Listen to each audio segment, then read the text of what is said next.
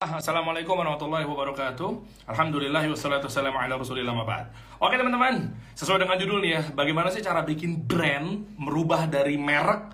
Yang tadinya kan sebenarnya gue juga baru tahu ya Merek sama brand tuh beda teman-teman. Jadi jangan ngaku bahwa Eh brand gue ini ya. Sementara kalau brand itu adalah Ketika merek kita nih udah selalu muncul di benaknya konsumen. Ketika mau beli mobil, ketika mau beli apa makan di restoran yang eh, kesebut pertama di kepala itu artinya itu udah berhasil uh, perusahaannya atau mungkin pengusahanya membangun atau nge-branding. Nah, kali ini kita akan bahas bareng sama guru saya teman-teman semua, masya Allah gitu kan. Pak Bi, masya Allah. Coba kita lihat nih ya. Coba nih.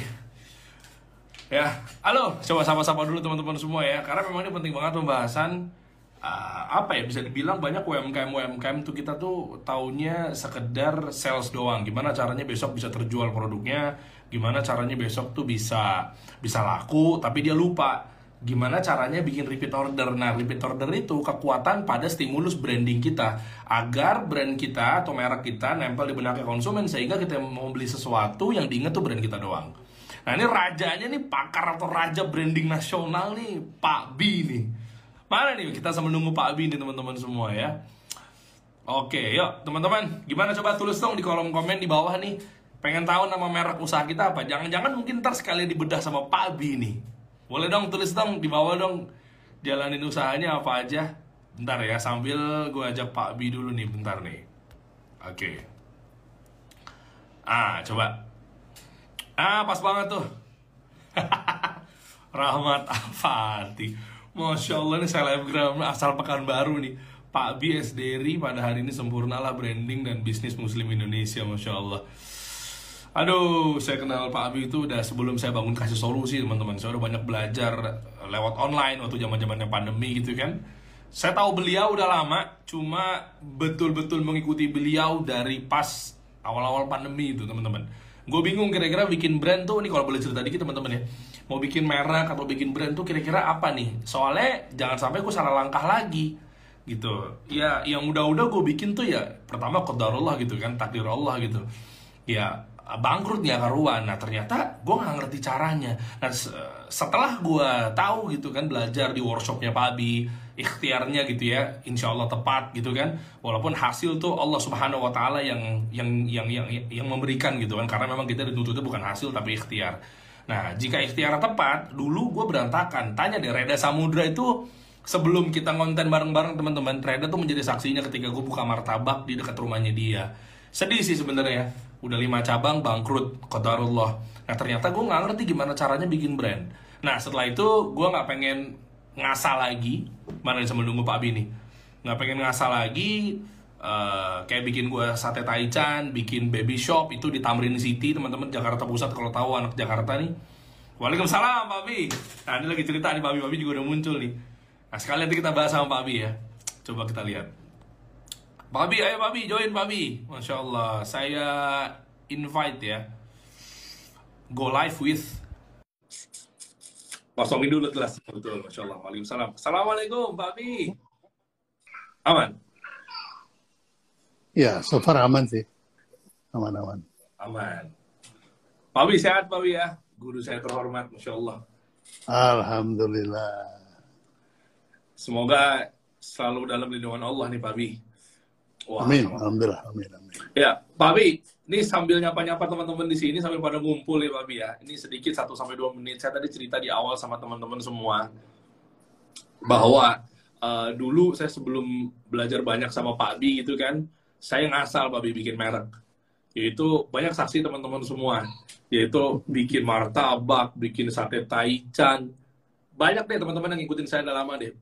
Bikin baby shop di Tamrin City, saksinya udah habis ratusan juta nggak karuan terus bangkrut yang pertama pasti ya karena Allah gitu ya qadarullah tapi ikhtiarnya nggak tepat tapi bangkrut nggak karuan nah, akhirnya uh, saya nggak mau mengulangi kesalahan yang sama seperti yang mungkin teman-teman rasakan di UMKM sekarang Nah, alhasil ketemu Pak Abi nih. Saya tahu Pak Abi udah lama sepak terjangnya kiprahnya, tapi baru kemarin waktu awal-awal pandemi saya ngikutin workshopnya Pak Abi. Nah, dari situ saya hati-hati nih Begitu ngikut workshop Pak Abi, Masya Allah ikhtiar ya Pak. Kasih solusi ya. Kasih solusi belum sampai setahun, sudah bisa startup yang launching aplikasi, rilis aplikasi yang ternyata saya pikir uh, penjualan atau sales itu bonus Pak Bi. Ternyata hmm. uh, demand creation yang saya pelajari dari Pak Bi, uh, selling yang saya pelajari dari Pak Bi, branding, cara bikin merek, saya copy paste, izin Pak Bi saya copy paste semuanya. ternyata works, masya Allah, masya Allah works banget. Jadi subscribers kasih solusi belum nyampe setahun udah udah 250 ribu subscribers. Hmm. Wow, wow, wow. Wow. Yeah. Waktu itu untuk kemarin, sekarang lagi naik hmm. terus. Nah artinya uh, kalau stimulus yang tepat, saya belajar sama orang yang tepat, ternyata ini hasilnya. Nah makanya saya di sini sangat berterima kasih kepada Pak Bi. Nggak cuma pengen saya doang Pak Bi yang merasakan manfaatnya. Saya pengen Pak Bi itu udah bangun Indomie, uh, Kopiko, Panasonic juga Pak Bi ya. Iya. Pak SBY JK bersama kita bisa tuh Pak Bi juga. Jadi artinya jangan cuma saya doang Pak Bi, tapi banyak UMKM yang memang ternyata banyak follow saya pengen dapat manfaat juga. Tolonglah Pak Bi kasih mereka juga, jangan cuma saya doang yang merasakan. Setuju Pak Bi ya? Ya, alhamdulillah. Semua terjadi atas izin Allah. Betul Pak Bi. Siap. Kita mulai. Pak Bi komennya biarin aja Pak Bi. Kenapa? komennya dibiarin aja apa ditutup? Dibiarin aja ya komennya muncul. Biarin aja biar aja lah. Nggak apa-apa. Biar sambil interaksi ya. Oke. Okay. Iya. yeah. kita mulai teman-teman. Pasang catatan karena dengan betul-betul serius teman-teman shortcut. Nggak perlu merasakan kayak saya berdarah-darah dari tahun 2008 sampai 2000 ketemu Pak itu Bapak itu berapa 2019 sampai 2020 lah anggaplah begitu ya. Ternyata hmm, belasan tahun saya nyesel walaupun nggak boleh bilang begitu ya kotorullah ya Nah, teman-teman pengennya jalan pintas biar teman-teman juga nggak perlu merasakan uh, kejatuhan atau bangkrut atau segala macam seperti yang saya alami. UMKM apa sih yang harus dilakukan, Pak Bi, ketika uh, mereka mau mulai start dari nol nih? Mungkin Pak Bi bisa share di sini. ya, saya menyapa teman-teman dulu ya. Ya. Assalamualaikum warahmatullahi wabarakatuh, teman-teman. Selamat malam semua. Uh, kita bertemu di sini untuk sama-sama belajar tentang brand. Ya. Nah, kalau bicara tentang UKM, uh, eh, saya cukup lama nih menggauli UKM. Ya. Jadi, apa namanya dari tahun 2014 tepatnya ya. Jadi saya prihatin ketika saya ketemu dengan teman-teman UKM itu ternyata uh, nggak paham apa itu brand gitu ya. Karena masih bilang brand itu merek, brand itu iklan, brand itu waduh logo, uh, logo dan segala macam sehingga saya pikir wah kayaknya uh, saya harus melakukan PMA nih penanaman modal akhirat. mantap, mantap. uh, ya bantu teman-teman untuk memahami aja dulu mengambil dulu dan itu sudah uh, hampir 10 tahun ya, 8 tahun lah tepatnya. Jadi sekarang ini sudah lebih matang lah. Pemahaman tentang brand sudah ada, nah sekarang tinggal praktek. Nah ini yang yang ketika praktek gagap kan, biasa kan kalau belajar berenang di papan tulis, empat gaya hafal caranya.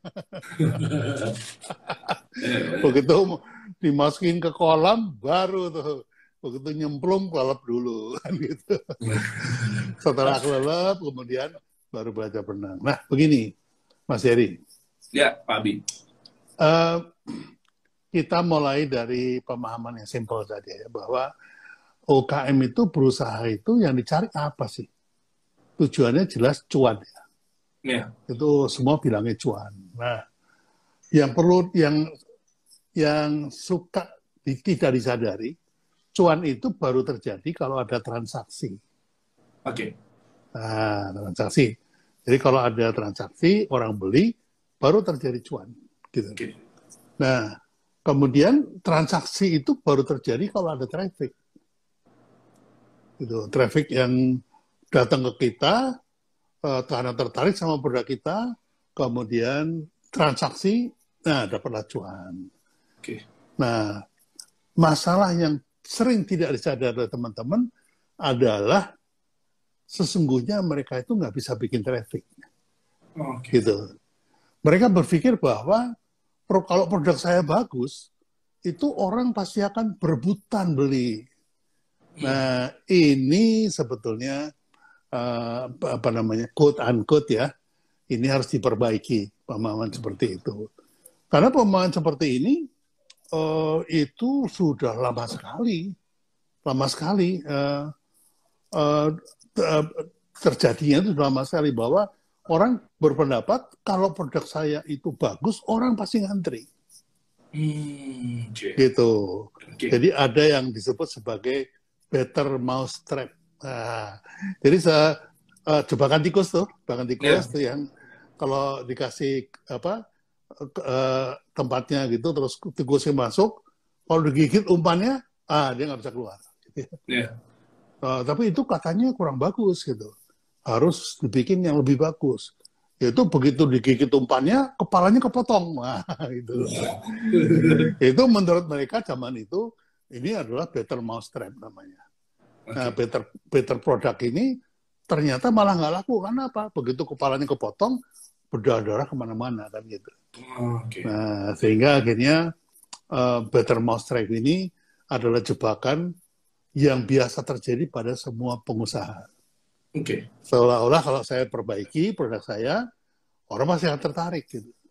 Okay. Dia lupa, dia lupa bahwa produk itu perbaiki, nggak sampai sebulan orang udah sama lagi. Hmm, Oke. Okay. Nah, apalagi kalau cuma seminggu udah sama lagi, maka hidupnya bisnis Anda atau hidupnya brand Anda itu cuma sebulan. Nah, ini yang hmm. harus dipahami. Nah, kalau misalnya nggak bisa bikin traffic, gimana Pak B? Yeah. Ya, ya udah. Kalau nggak bisa bikin traffic, ya nebeng aja. Ya, nebeng namanya right on traffic. Oke, okay. nebeng right nebeng traffic sah ya Babi ya? Sah, sah itu sah. Ya, uh, nebeng traffic itu uh, kalau misalnya Mas Dery bikin produk, bikin makanan, terus kemudian nggak bisa ngundang ke tempat Anda, ya udah buka lapak aja di kaki lima. Oh. Yang trafficnya rame, itu kan traffic yang di jalan itu, kemudian kita ini, kita apa namanya, kita uh, taruh di situ, kita nebeng traffic mereka aja. Okay, okay. Kalau Mas J, Mas Jaya Setiabudi selalu bilang, ini jalan semut. Yeah. Gitu. Jalan semut itu selalu ada dua sarang. Sarang A, sarang B. Nah, sarang A itu stasiun, sarang B mall misalnya gitu. Okay. Itu kan wirawiri orang itu. Nah, ini kan nebeng traffic gitu. Okay. Wah, ini uh, kok kayaknya merendahkan sekali, Bapak. Oh, enggak, enggak, enggak merendahkan. Ingat nggak, McDonald pertama kali buka di Indonesia tahun 91, hmm. itu mereka nebeng trafficnya Sarina. Ya, betul. Sarina betul, kan? itu, iya betul. Sarina mall pertama, Babi, ya, di Jakarta ya, Babi ya? Betul, itu. Oh. Jadi uh, dia taruh, uh, apa namanya, McDonald di situ, karena McDonald sadar bahwa nggak ada yang produknya yang bikin traffic itu nggak ada. Okay. Coba sekarang zaman itu siapa sih yang suka makan burger? Yeah. Nggak ada. Suka makan French fries? Nggak ada. Mungkin Coca-Cola iya. Nah, gimana caranya? Dia nebeng trafficnya Sarina. Gitu. Oh, seperti ada yang bilang juga tuh Pak di komen. Kalau mm -hmm. nebeng buka usaha di depan Indomaret, Alfamart juga nebeng traffic juga. Nebeng traffic juga. Dan oh. itu sah-sah saja. Okay, nggak, okay. nggak masalah itu. Jadi nggak usah ngerasa rendah diri atau apa gitu. Nah, ada dua cara sih memang ya kalau kalau bisa create traffic lebih bagus. Gitu. Okay. Tapi okay. kalau nebeng traffic nggak masalah. Okay. Cuma nebeng traffic pun juga uh, tidak hanya sekedar diem aja pasif. Uh, ah, antar juga orang mampir nggak gitu. Anda harus bikin yang namanya atraksi.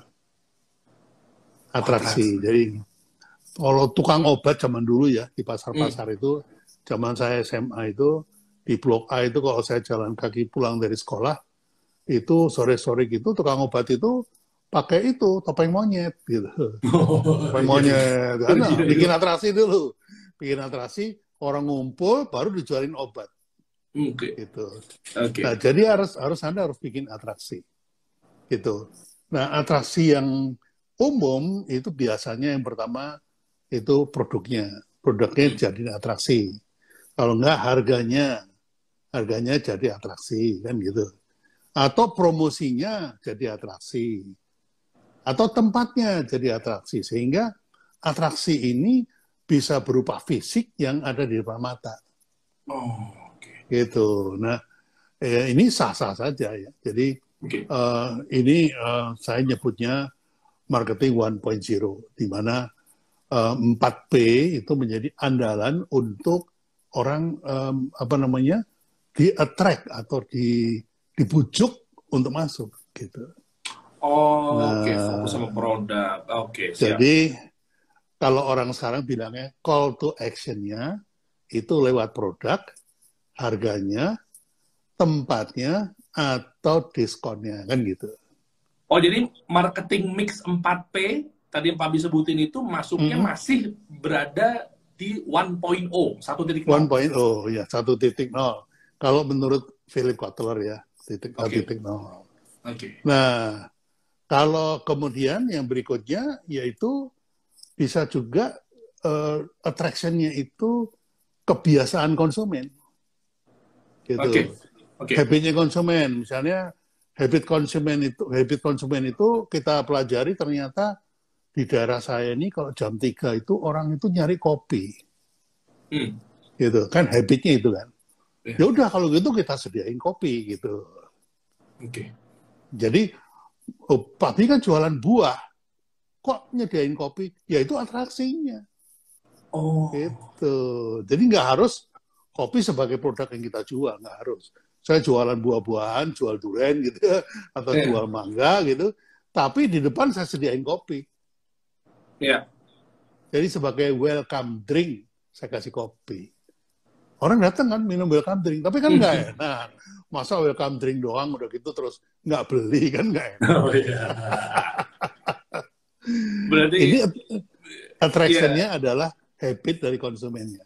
Habit, behavior, nah, habit, behavior. Okay. Ya, ini ciri khas dari marketing 2.0. Oke. Okay. Ya, itu di situ Anda sudah mulai uh, melakukan create demand menciptakan demand lewat attraction yang dilakukan lewat habit tadi. Ya. Oh, okay, okay. Itu. Nah, bisa juga attractionnya itu berupa uh, apa ya uh, kebanggaan ya kebanggaan. Jadi kebanggaan uh, terhadap uh, uh, terhadap merek kita, gitu ya. Okay. Jadi orang kalau anda ingat kan orang tuh sering kali pakai kaos terus ada Nike, ada Adidas. Oh. Itu menunjukkan bahwa saya ini runner loh, saya ini pelari loh. Makanya saya pakai Nike. Karena oh. Nike itu value-nya adalah untuk pelari atau okay. olahraga lari gitu. Jadi nah, di situ di situ yang disebut marketing 3.0. Oh, ya, 3.0. Ya, terkait dengan uh, co-creation antara produk dengan dirinya, dengan konsumen tadi. Itu kalau menjadi, Jordan, hmm, kalau ya, Jordan, ya sama, maka Jordan sama. Ya? sama. Jadi oh, itu itu yang disebut call to action lewat identitas yang sama. Jadi uh, kemudian uh, apa namanya karena identitasnya sama orang cenderung berkelompok. Yang pakai sepatu Nike sebelah kanan, yang pakai sepatu Adidas sebelah kiri, itu menjadi daya tarik. Gitu. Nah, engagement antara produk dengan dengan konsumen itu menjadi daya tarik yang keempat. Gitu. Okay. Kedekatan gitu. Nah, anak lihat waduh, banyak ya yang pakai Nike. Saya saya mau juga ah. Nah, itu adalah marketing 4.0. Ke, kedekatan sehingga menjadi menjadi kelompok. Oh, gitu. Udah level berat nih. nah, gitu. Iya. Jadi apakah UKM nggak bisa? Bisa, bisa. Cuman UKM itu uh, span of controlnya, scope-nya itu nggak perlu nasional. Apalagi jangan jangan terlalu muluk lah mau ekspor entar aja. Lokal lokalan aja gitu. Lokal lokalan aja dulu gitu. Jadi uh, nah uh, apa bisa gede apa ya kalau lokalan? Loh memangnya McDonald itu tadinya bukan UKM okay. McDonald itu UKM loh tadinya Oke, okay, oke. Okay. Mereka mereka nggak nyediain tempat duduk, nggak nyediain apa-apa. Mereka cuma apa namanya cuma uh, apa namanya uh, take away. Iya. Yeah. Ya, kalau di Amerika kan polisi-polisi masih beli burger, dibawa ke mobil dimakan kan? Iya. Di kantong coklat gitu. Nah, betul. Itu menunjukkan dari awal bisnisnya McD itu kayak gitu. Take away. Okay. Gitu. Okay. Nah, kalau take away kan bisnisnya UKM ya take away juga toh. Yeah. Ya beli beli gorengan, beli oh, iya. apa itu kan take away juga. Oh iya. ayam ayam sabana ayam sabana take away. Jadi uh, itu jadi yang penting yang penting harus hmm. menyadari bahwa uh, wilayah lokal kita itu harus kita kuasai. Oke, okay. Pak kalau kalau iPhone orang pakai iPhone sekarang banyak banget anak-anak Citayam, anak-anak Depok, hmm. anak-anak Bojonggede yang hmm. pada nongkrong di dekat stasiun Sudirman dan Duku Atas, ya kan? Hmm.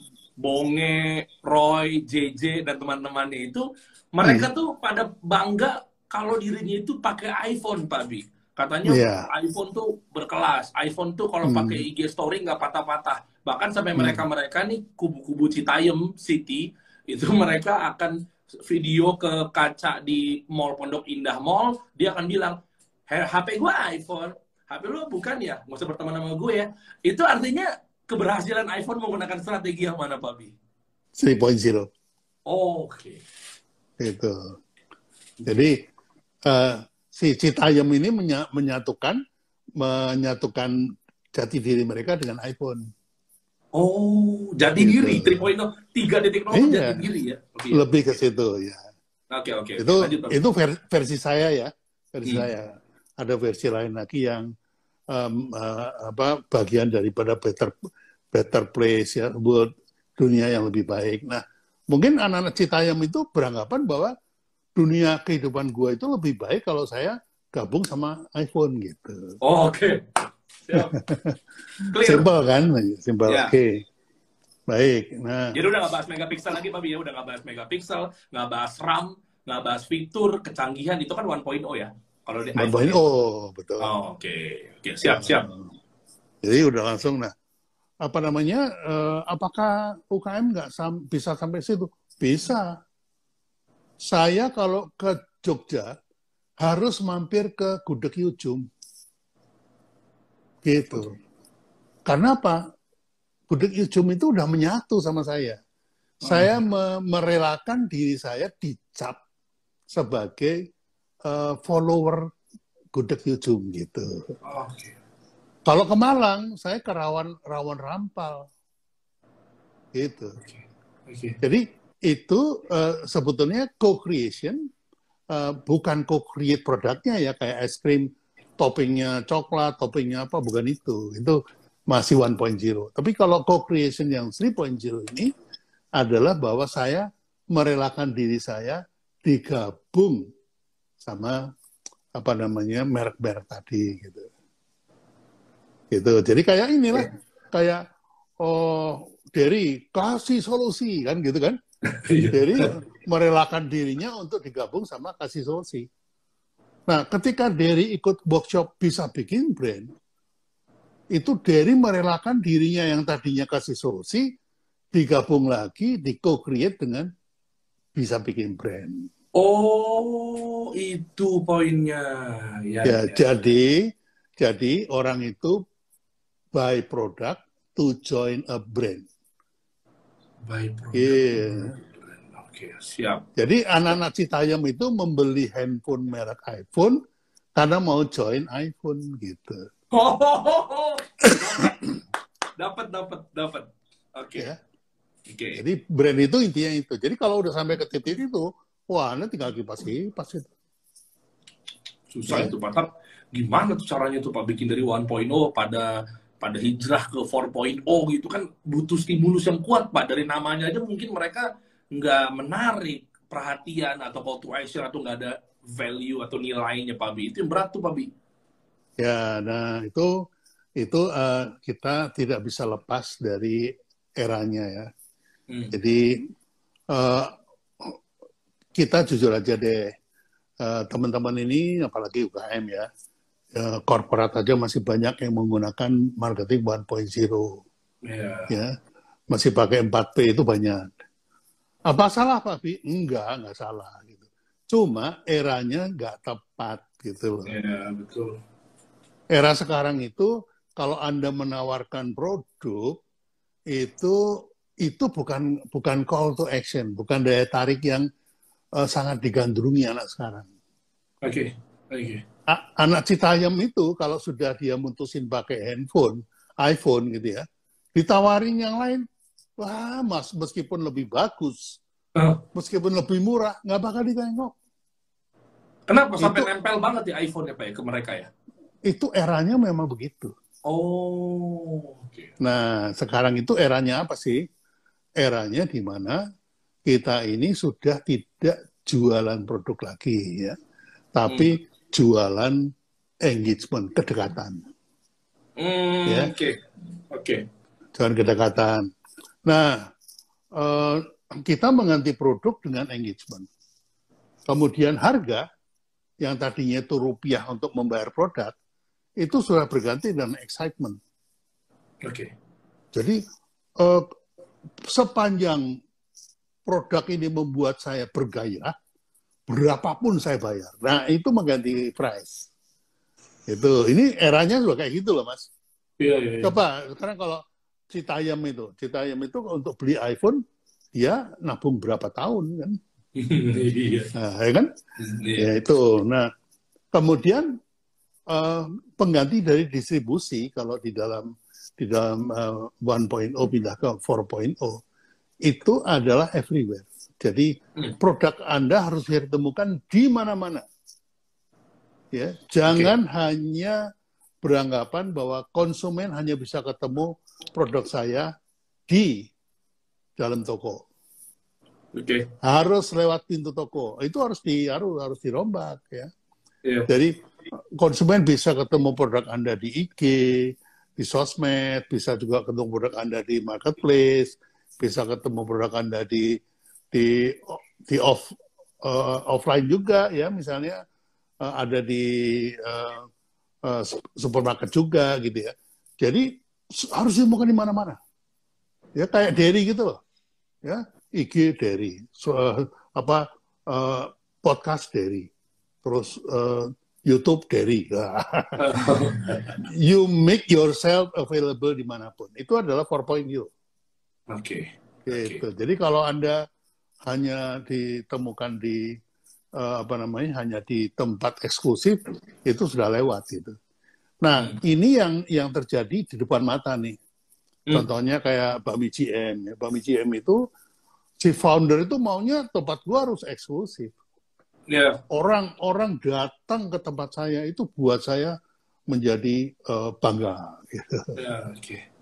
Tapi anak-anaknya balik dari Amerika nggak itu nggak bisa, zamannya udah lewat. Oh, oh dad gitu. Kita harus ganti nih. Gitu dia bilang ke dedinya, kita harus franchise sekarang. Oh. Kita harus ada di mana-mana gitu. Karena apa? Eranya. Jadi sekarang saya bisa beli Mami GM di airport di uh, Soekarno Hatta 3 kan gitu kan, Terminal yeah. 3. Uh. Ada saya di arcade ada, di mana-mana ada. Tadinya saya harus ke Gajah Mada untuk makan mie Gajah Mada. Gitu. Jadi memang anak-anak yang pulang dari Amerika ini uh, mereka mem memahami ini eranya sudah ganti. Ini bukan masalah pilihan, ini masalah keterpaksaan. Mau nggak mau ya, Pak ya? Mau nggak mau gitu. Okay. Nah, yang, yang terakhir yang namanya promosi itu harus digantikan dengan evangelis. Apa sih evangelis itu? Evangelis itu adalah orang-orang atau pengguna yang dia suka dan dengan sukarela menyebarkan kelebihan produk kita. Nah, Citayam itu, Citayam itu kan para evangelis itu. Ngap, ngapain coba? Dia ke, di depan kaca PI Mall terus dia bilang, gue pakai iPhone. Lu kalau lu nggak pakai lu bukan temen gue. Itu kan artinya dia evangelis kan? Parah. Itu parah banget. Jadi udah nggak butuh endorse brand ambassador nggak butuh nggak butuh key OL atau key opinion leader gitu kan. Ya itu stimulusnya gimana Pak Bi? Gimana caranya produk kita nih atau merek kita nih sampai di level itu? Apa yang harus kita lakukan buat para para UMKM atau uh, pengusaha gitu Pak Bi? Itu yang yang PR bersama nih buat para UMKM. Iya. Jadi um, problem sekarang ya, problem para pengusaha ini nggak cuma UKM ya teman-teman. Ini uh, saya mengajak, tapi kalau belum siap nggak apa-apa Oke. Okay. Itu beralihlah ke 4.0. Kenapa? Karena eranya sudah di situ. Bukannya itu pilihan, bukan. Itu Anda keterpaksaan. Oke. Okay. Harus create engagement ya. Kemudian ke pelanggan membeli karena brand mengenal mereka secara pribadi. Artinya gini, saya dengan sukarela membeli produk dari Derry karena saya kenal Derry dan Derry kenal saya. Nah itu. Itulah sebabnya kenapa kalau saya posting terus ada komen, saya pasti pasti jawab komen itu. Hmm. Karena kewajiban nomor satu adalah kita saling mengenal itu engagement. Oke. Okay. Kalau kenal cuma satu arah, wah itu so artis lo gitu. Iya, iya, iya betul betul. Iya. Ini ngomong-ngomong uh, uh, video saya masih kelihatan nggak visual? Aman. Aman, Aman ya? Karena di saya bilang tuh. Hmm. Di saya gelap. Hah? Aman aman aman. Aman ya? Itu pada uh, pada bilang daging nih mantap. Well, Masya Allah ilmunya ini beralih ke mantap-mantap. Masya Allah materinya ilmu semua top. Wah, Pak. yeah, hanya itu ini cuma being relevan aja. yeah, okay, okay. Nah, yang kedua tadi saya ingatkan bahwa teman-teman itu jangan diskon-diskon lagi itu tidak bikin orang itu uh, bergairah ya. Yang bikin horny orang-orang itu bukan bukan anunya, bukan harganya murah gitu. Okay. Tapi kepuasan yang dia dapat sesuai dengan apa yang dia bayar. Uh, udah di level itu ya levelnya udah situ. Jadi membuat orang bergairah tuh macam-macam ya. Ada hmm. yang uh, restonya atau kafenya dibikin Instagram Instagramable gitu ya. Iya. Okay. Uh, eh, itu itu termasuk gairah. Itu termasuk oh saya di, di kafe itu walaupun kopinya harganya dua kali lipat dari dari Starbucks, saya milik situ. Kenapa? Gue bebas mau mau apa namanya mau foto-foto, selfie, foto-foto. Yeah upload di situ, apalagi uh, wifi-nya uh, unlimited. Gitu kan. ya, ya, jadi, nah itu adalah pengganti dari harga. Kemudian yang terakhir ya tadi, jadi uh, kumpulkan para evangelis, para apa namanya, para ini, para uh, uh, pengunjung yang bersedia untuk mengupload mem, uh, mempromosikan kayak gitu. Mm, Oke. Okay. Itu, itu penting gitu ya. Oke. Okay. Oke. Okay. Dapat nih. Nah, ini hmm. Suara siapa nih ayah tadi? Anak saya di luar biasa. Oh gitu. Dan ini menariknya gini Pak Bi, maksudnya uh, kenapa Pak Bi mengajak yuk pada pindah yuk dari 1.0 ke 4.0 karena memang eranya udah seperti itu. Kalau saya ingat-ingat, koreksi kalau saya salah, Pak Bi di tahun berapa Kopiko Pak Bi bangun Kopiko 90 ya? 86. 86 ya. Di hmm. tahun 86 aja Pak Bi pakainya udah 2.0 teman-teman. Kalau koreksi kalau saya salah ya. Kan ya, biasanya ya, kalau ya kan kalau Kopiko itu bunyinya misalkan Pak Bi bilangnya adalah permen kopi ini dari biji kopi pilihan, kualitas kopi nomor satu misalnya. Itu kan 1.0. Tapi Pak, Pak Bi pakai behavior atau perilaku atau habit customer yang di mana kopi sama ngopi aja beda. Karena kalau hmm. kopi adalah produknya, gantinya ngopi, perilaku orang yang biasa ngopi, akhirnya dia bingung di bis, ngantuk, tapi nggak mungkin dia bawa cangkir ke mana-mana, Starbucks belum ada apa segala macam, akhirnya ada solusi bahwa ada nih gantinya ngopi, aktivitas ngopi kan, itu di kantong.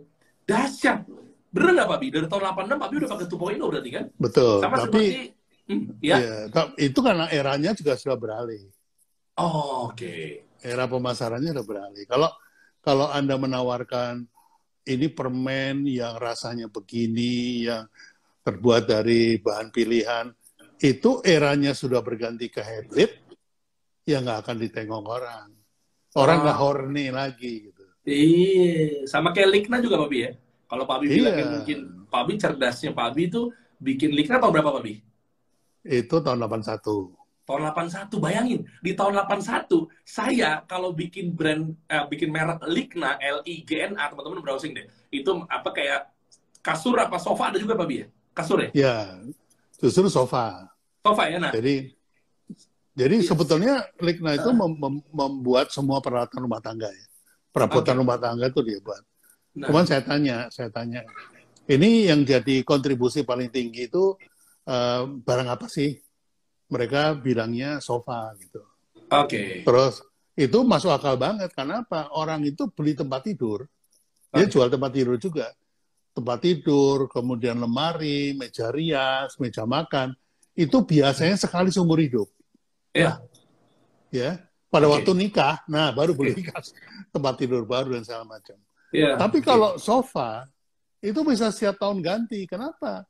Karena setiap lebaran ada tamu, sofanya udah jelek, dia ganti yang baru. Oh, Oke. Okay. Tapi tempat tidurnya tetap kan gitu. Jadi yeah. makanya kemudian kalau sudah duduk itu di sofa lupa berdiri. Nah, kalau yang di, kalau yang dijadikan uh, unggulannya itu tempat tidur, ya pasti ngomongnya kalau sudah tidur lupa berdiri. Oh, lupa bangun, lebih bahaya lagi tuh lupa bangun. Nah, ini saya melihat bahwa kecerdasan Pak Abi di Masya Allah ya, semua karena Allah ya. Maksudnya Pak Abi itu bikin Likna tahun 81. Mungkin kalau di tahun 81, harusnya pakai 1.0 misalkan, itu bunyinya mungkin sofa ini terbuat dari bahan selembut ini atau bahannya bahan pilihan keempukannya seperti ini. Tapi Pak Bibu udah nggak bahas produk guys tahun 81 bayangin tuh. Cerdas banget. Maksudnya tahun 81 orang tahunya ini busa nomor satu terbaik dari Jepang.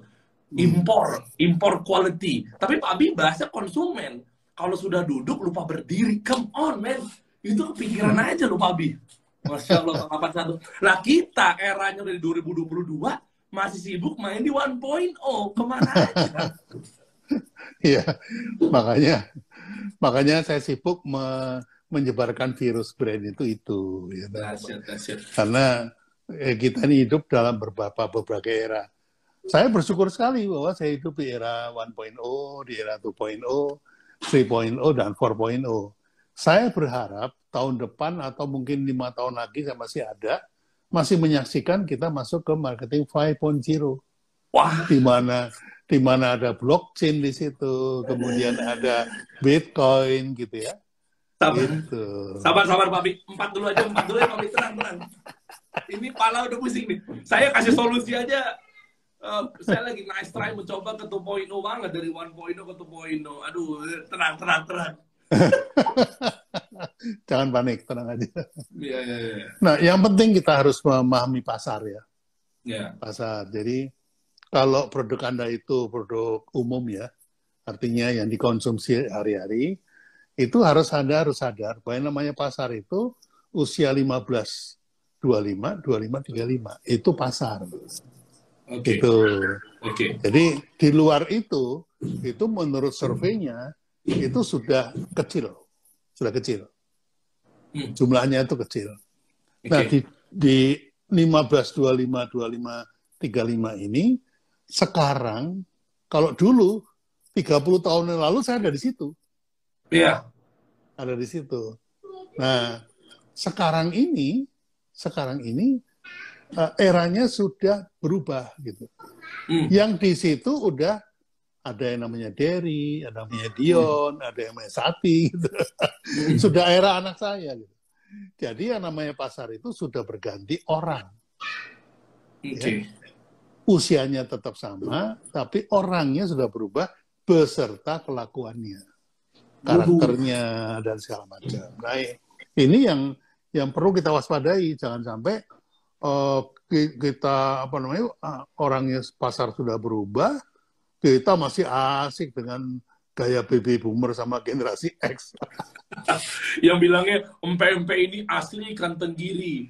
Oh, hmm. motor ini motor tercepat di dunia. Maksudnya gimana ya Pak? Itu salah nggak kalau kita maksudnya kalau menurut saya adalah kayaknya udah nggak zaman ya 1.0 ya. Maksudnya eh, terlalu subjektif tinggi. Zaman sekarang ngelihat bahwa ini restoran terpadang terenak terlengkap itu kan produk semua ya Pak Bi ya? Kenapa udah nggak works ya?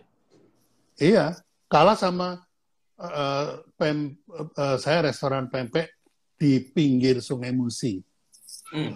Oke. Okay. Nggak ada urusan sama Tengiri, nggak ada urusan iya. sama Asli, nggak ada urusan. Coba, Pabi, Pabi, Pabi waktu itu pernah bikin Aise Daikin juga kan? Iya betul. Slogannya Pak Coba kita tes ya teman-teman ya. Ini coba saya bedanya saya murid sama guru nih. Kalau saya bikin Aise Daikin, aduh malu nih. mungkin akan bunyinya, mungkin akan bunyinya gini. AC ini eh uh, dinginnya ding uh, gimana ya? Dinginnya nomor satu se Indonesia kalau one point itu kan begitu ya. Paling dingin. Paling dingin. Coba Papi waktu bikin AC gimana? Nah saya justru saya bikin paradoks. Paradoks itu kebalikannya. Oke. Okay. ya dingin itu kan uh, uh, AC itu bukan dingin sih sebenarnya sejuk ya yeah. sejuk itu paradoksnya, lawan katanya adalah hangat. Oke. Okay. Kalau AC-nya, kalau Anda sudah pasang AC, terus kantor apa, kamar itu masih hangat, Anda pasti berpikir nih AC-nya nggak jalan nih. Iya, freonnya, freonnya iya. kurang nih. Ah. Ya kayak gitu ya. Iya. Uh, nah, itu 1.0 banget. Gitu. Oke. Okay. Nah, ini saya balik nih. Saya bikin positioningnya kalau uh, uh, setelah pakai AC Daikin, suasana di rumah justru semakin hangat.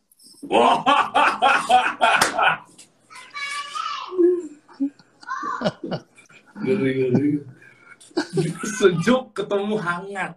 Kok bisa-bisanya iklan-iklan AC slogannya ngomongin kehangatan romantisnya suami istri. Gimana iya. ya punya pemikiran kayak Pak Abi gini loh. Maksudnya behavior ya dahsyat. Iya, larinya ke situ. Nah, akhirnya ke ke perilaku ya, perilaku. Jadi biasanya kalau dingin-dingin kan uh, enaknya pelukan ya. Yeah. Nah, gitu. Itu kita kita pakai. Udah udah uh, pasang AC di luar hujan, wah udah mendingan pelukan kan gitu. Nah, pelukan itu suasananya jadi hangat. Sehingga orang itu uh, menjadi apa ya? Uh, uh, menjadi terregistrasi, ter, apa, ter, tertanam di benaknya. Itu. Iklan itu sangat kreatif. Saya hmm. sendiri mengakui sangat kreatif. Buktinya apa? Saya cuma pasang sekali di Kompas. Oke. Okay. Tahun 81. Udah gitu, stop, stop, stop, tapi jangan campaign lagi. Kenapa? Kita kehabisan barang.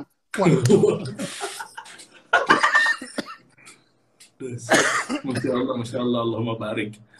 Jadi okay. uh, eh, saran buat teman-teman yang bergerak di bidang kreatif ya, jangan terlalu kreatif. Kenapa? Begitu terlalu kreatif, barang habis, campaign di stop, kita nggak dapat duit. Oke. Okay.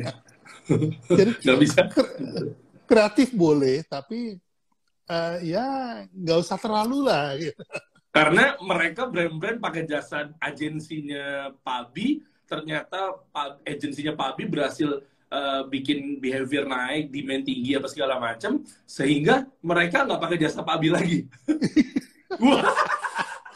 Makanya Pabi stuck di situ bukan stuck maksudnya uh, udah nggak diorder lagi sama mereka gara-gara nggak kreatif. Wah. ya, contohnya tahun tahun berapa ya? Tahun tahun 92 apa? 93 yeah. itu. Nah, itu uh, saya waktu itu megang brandingnya Sanaflu. Oh, Sanaflu, oke. Okay. Uh, Sanaflu untuk untuk uh, yang itu apa namanya? Uh, flu boleh kerja jalan terus kan itu. Ya, yeah. oke. Okay. Nah, terus dalam uh, setahun tahun 92 eh tahun ya 92 itu uh, kemudian uh, kita dapat penghargaan top of mind brand gitu. Hmm. Jadi mengalahkan produk-produk dari Unilever. Okay. Rinso kalah, kemudian ini kalah, semua kalah. Sampai teman-teman saya di Unilever itu penasaran gitu. Sama hmm, saya penasaran, kok bisa begitu gitu. Nah, apa yang terjadi? Klien saya bilang, kita terima kasih banget nih, kita sudah dapat top of mind. Jadi uh, saya pikir tugasnya Papi udah selesai, nggak perlu diperpanjang. Saya akan pakai agensi lain yang lebih murah karena uh, karena fee-nya Papi itu mahal gitu. uh, ya dan akhirnya ya hanya satu tahun aja kontrak selesai padahal harusnya lima tahun ya kontrak selesai ya udah uh, mereka ganti agensi dan terbukti Se uh, tahun kedua aja boro-boro dapat top of mind kelihatan aja enggak gitu. Iya betul, aduh ngaruh. Tapi ini banyak yang ini nih, kayaknya pada nafsu, pada mau ikutan workshop apa Abi nih. Tadi saya baca artinya, iya artinya eh, pengalaman saya udah ikut beberapa kali workshop apa Abi dan ternyata saya copy paste teman-teman. Nah, dulu saya nggak tahu gimana cara ngebangun brand, merek itu jadi brand. Tapi ternyata begitu saya awal kenal uh, tahu Pak Abi, workshop ikutin Pak Abi segala macam, akhirnya saya jadi tahu nih teman-teman semua bahwa uh, sebetulnya ya bukan mudah ya. Kalau mudah kayaknya gaya amat sih der gitu enggak. Tapi sebenarnya insya Allah bisa jadi lebih mudah, nggak nyampe setahun tuh kasih solusi. Uh, kalau kita tahu caranya dan polanya dan teman-teman lihat deh, contek deh. Kalau teman-teman mau ikutan workshop Pak Abi itu bisa banget ya Pak Abi. Nanti kita bahas Pak Abi ya. Yeah, tadi yeah. iya. Tuh, saya bantu taruh di uh, bio saya teman-teman. Buka aja link di bio saya. Klik aja workshop Pak Abi. Sama-sama deh kita ketemu di sana teman-teman. Saya juga pengen ikutan lagi gitu. Maksudnya teman-teman coba deh uh, buktiin sendiri. Saya pun juga udah membuktikan bahwa ternyata produknya ada gitu, mereknya ada, namanya kasih solusi dan itu semua jujur teman-teman. Uh, saya ikutin beliau dan saya uh, ikutin waktu di Kempinski juga ternyata banyak insight-insight yang mungkin kita sementara ini apa ya kok buang waktu bertahun-tahun? Kenapa saya nggak kenal sama Pak Abi dari dulu gitu? Kenapa mikir-mikir?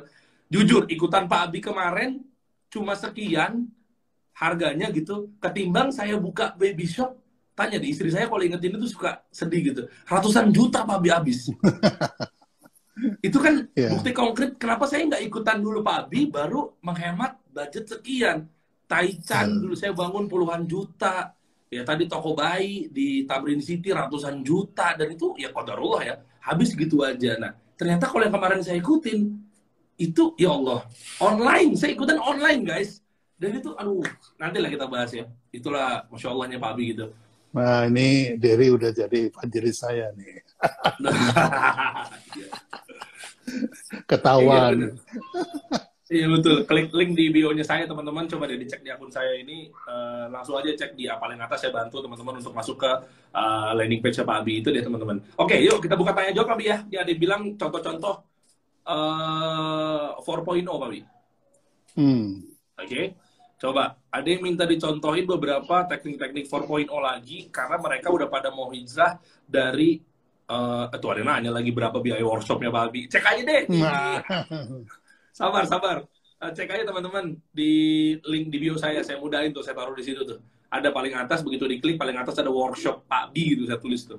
Karena saya pengen ngundang Pak Bi di sini juga nggak pengen saya doang merasakan manfaatnya gitu ya teman-teman. Karena Pak Bi udah 50 tahunan lebih ngebangun atau branding praktisi bahkan bukan sekedar master atau uh, anak kemarin sore tapi Pak Bi udah praktisi gitu loh Nah, tuh cek aja di situ.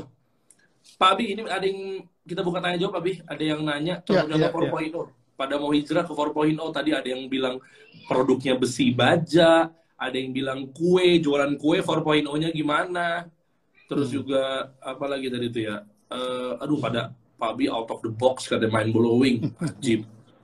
Pak Abi nggak ada obat memang, kata Rambo Wardana. Oke, okay, coba Pak Abi, gimana Pak Abi? 4.0 lebih detail Pak Abi. Pada mau hijrah okay. ini.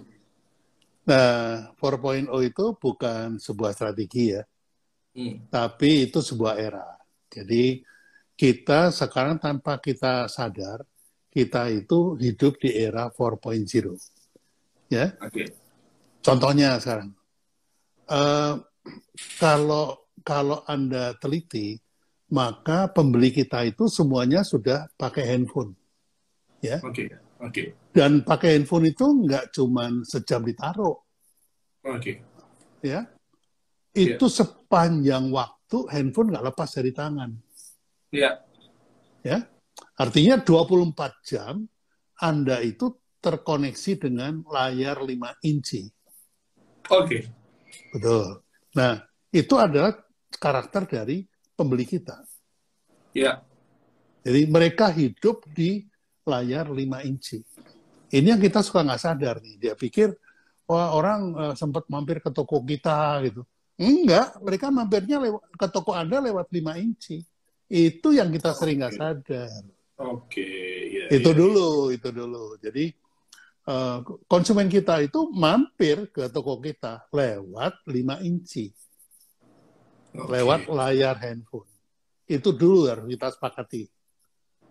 Gitu. Ya, oke. Okay. Nah, begitu mampir nih, lihat, wah, apa nih kasih solusi namanya Deriansa. Terus apa yang dilakukan oleh konsumen kita? Ya googling, Oke. Okay. Dia dia cari tahu ini dari Yansa ini siapa sih? Oh. Ya, ini kol-kolannya mantep banget nih. ini kasih solusi ini apa sih? Dia review dulu, kita tuh diselidiki dulu sama dia. Nah, ini adalah ciri khas pertama dari konsumen kita. Mereka okay. melakukan investigasi. Hmm. Uh, dari begitu live sama Pak Pi, oh mereka langsung googling loh. Sebelum anu, sebelum nanya sebelum apa googling dulu. Ini Pak Pi ini siapa sih? Ya, okay. udah tua sotoy banget. Uh, gak, gak, gak ada yang berani. Gak ada yang berani. Dipromot terus sama Derry ini. Wah, dia, orang pengen tahu kan. Akhirnya yeah. googling Subiakto. Wah, gitu kan.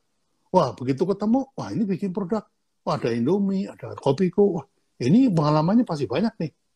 Ya, pengalaman banyak. Ini pasti ilmunya lumayan lah. Yuk kita dengerin. Dia hakimi dulu. Oke, berarti Pak B ini uh, orang yang punya pengalaman. Oke. Gitu. Nah, itu yang kedua. Jadi konsumen kita itu sudah tukang review, dia tukang hakimin gitu. Kalau bahasa kerennya review rating lah gitu ya. Oke, okay, ya. Nah, nah, sudah gitu, dia nggak berhenti sampai di situ, Der. Oke. Okay. Dia ajak teman-teman nih, dia WA, eh, eh kita dengerin live-nya Pak Pi sama Derry tuh.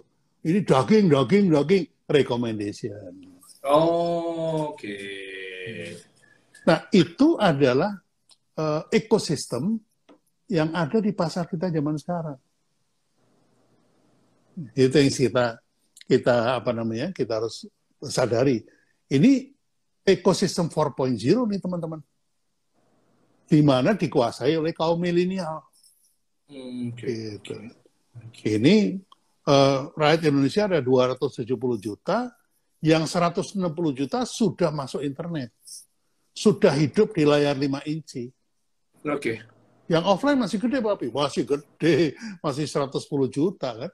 Nah, 110 juta itu masih bisa uh, karena dia nggak nggak percaya internet atau nggak nggak bermain internet, maka masih bisa didekati dengan cara offline gitu. Nah itu juga nggak kecil, Der. 110 juta itu nggak kecil. Itu sama dengan 20 kalinya Singapura. Berapa kalinya Malaysia, berapa kalinya Filipina. Jadi pasar offline kita tuh masih gede. Oke. Okay. Tanah Abang misalnya gitu. Jadi, yeah. nah ini ini uh, ada ada dua hal nih. Jadi bisa nggak Pak Bi kita tetap di marketing 1.0? Bisa selama Anda uh, konsumen Anda itu offline. Kalau sudah online ya mau nggak hmm. mau harus moving to 4.0. Ring, ring, ring, ring, ring, ring. Siap, insya Allah. Oke, ada lagi teman-teman yang mau bertanya. Takutnya ini live-nya tiba-tiba mati. Live kalau udah sejam gitu, pas tiba-tiba mati nggak sih, Pak Bi? Soalnya takutnya nggak ke-save. Enggak sih kalau kalau apa namanya uh, IG bisa sampai dua jam kok. Masa iya? Iya, udah oh. lebih dari satu jam. Saya pernah tiba-tiba mati. Oke, yuk buat teman-teman uh, mungkin silakan ada mau bertanya lagi. Uh, berarti kita dituntut excellent secara kualitas produk buat mereka tertarik. Apa gimana tuh, Babi? Ada nanya begitu? Ya, jadi uh, produk kita tidak harus bagus. Ya ya yang penting produk kita direkomendasi oke okay. ya oleh orang yang dia kenal dan kenal dia. Caranya? Yaitu, jadi uh, konsumen kita itu uh, beliefnya nih ya, yeah. dia bilang I will follow the recommendation from the person I know in person. Saya mengikuti rekomendasi dari orang yang saya kenal dan okay. mengenal saya. Gitu. Okay. Jadi kalau di endorse sama artis yang nggak kenal kita, Allah kenal aja kagak, ngapain gue turutin? Nah itu dia. Oh iya. Oke. Okay. Gitu. Oke. Okay. Ini menarik. Ada, ada nanya Pak Bi kan waktu itu ngebangun Indomie, bilang kenapa Indomie seleraku Pak Bi, bukan seleramu? Karena kan dari pengusaha harusnya kan buat, nah gitu, buat hmm. kamu gitu istilahnya. Kenapa tuh Pak Bi? Kan Pak Bi yang buat nih. Ya karena yang yang baca kan, anu, yang baca kan konsumennya. Oh iya. Seleraku. Jadi, nah tadi lucu tuh saya Nah, dia nanya, oh berarti brand itu promise ya yang gitu. Saya bilang, iya, brand itu promise. Bahwa kalau Indomie mengatakan Indomie selera aku, ya, itu pasti cocok dengan selera Anda. Oh. Makanya makanya bumbunya rasa-rasa Indonesia. Oke, okay, oke. Okay. Jadi kalau Kopiko bilang bahwa Kopiko ganti yang kopi, itu dia menjanjikan bahwa Kopiko memang bisa gantiin kopi gitu. Oh ya. Oke. Ya, ya, ya. Kita menuju Ya itu artinya kopi sinyalnya sepertinya kayak artinya, hilang. Artinya Coba, gitu ya. Cek. Jadi ke contohnya kasih solusi. Cek cek. Aman aman. Halo. Tadi hilang Papi. Oke aman. Aman. Oke. Contohnya kita kasih solusi. Itu sebuah janji. Ya, kalau Anda brandingnya kita kasih solusi, ternyata nggak bisa ngasih solusi, selesai. Waduh, berat ya. Berat. Berat. Oke. Menarik. Coba kita lihat lagi. Papi ada minta contohin, Papi langsung start to the point nih. Katanya kalau kue gimana, e, kalau kalau produk jasa gimana, kalau 4.0 vendor tuh gimana tuh Papi kalau 4.0 4.0 kan jadi siapa ya Pak Bi ya? Ketika kita beli itu jadi siapa, betul ya Pak Bi ya?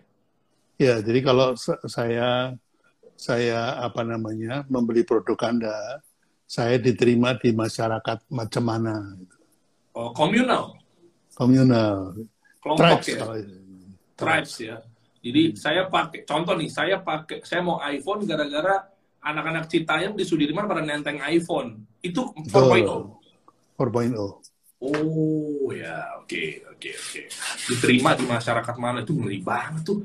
Evangelis ya, itu ngeri sih susah sih itu pencapaian itu. Aduh, ada nggak kira-kira Pak produk pro, brand brand um, brand-brand atau merek-merek yang sekarang yang sekiranya Pak Bi contohkan kayaknya ini udah layak nih pindah dari 1.0 ke 4.0. Contoh aja Pak Bi misalnya. Menurut Pak Bi aja kalau nggak ketemu nggak apa-apa. Ada nggak Pak Bi? Ya kalau untuk produk UKM sih hampir semuanya bisa pindah, gitu. Okay. Sangat bisa pindah. Gitu. Ya, okay. Cuman mereka kan nggak tahu caranya itu aja. Iya iya iya. Itu. Kalau tahu caranya mau mudah aja pindah. Iya betul. Eh, betul. tapi Der, ini ya. ini saya bukan funneling supaya jadi klien saya loh ya. Karena saya sudah tua, saya uh, pengennya uh, happy-happy aja gitu. Yeah. Jangan saya dikasih kerjaan, Pak Bi bikinin saya brand. Waduh. Makanya saya bikin workshop supaya kalian bisa bikin sendiri. Gitu. Nah, boleh buat teman-teman. Coba nih, ini udah pas sejaman uh, apa namanya pas banget. Ada nanya juga tadi kira-kira uh, kira-kira uh, workshopnya hari apa, berapa lama, berapa harganya, dan lainnya dapat rekaman apa enggak. Nah, coba Buat teman-teman di sini, ini ada 746 orang, hampir 800 Pak Bi.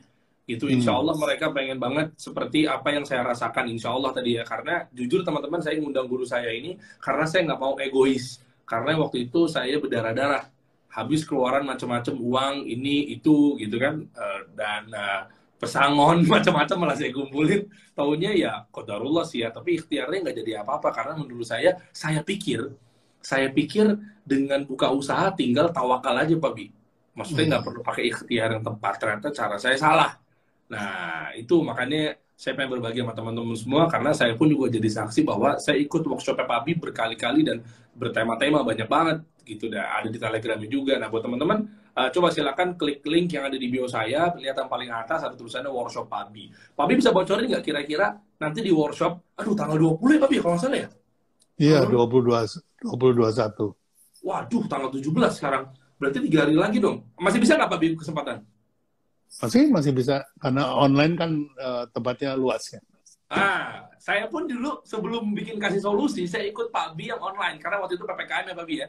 Uh, bisa yeah, bikin betul. brand online. Saya belajar waktu itu branding, marketing, selling. Saya belajar betul. waktu itu gimana caranya 1.0, 2.0, bikin merek, uh, bikin tagline, gitu kan dari tagline itu semuanya itu saya dapat dari Pak Abi yang saya jadikan yang sekarang teman-teman kalau tahu namanya mereknya adalah kasih solusi. Nah, uh, ada bocoran nggak Pak Bi untuk di workshop ntar tanggal 20 tiga hari lagi kita mulai secara online Pak. Ini mumpung masih bisa dibuka pendaftaran nih Pak Bi. Bocorin Pak Bi. Iya. Uh, iya betul. Jadi uh, workshop branding, marketing, selling itu ibaratnya kita membaca peta ya. Kalau kita mau perang, kita harus tahu petanya di mana.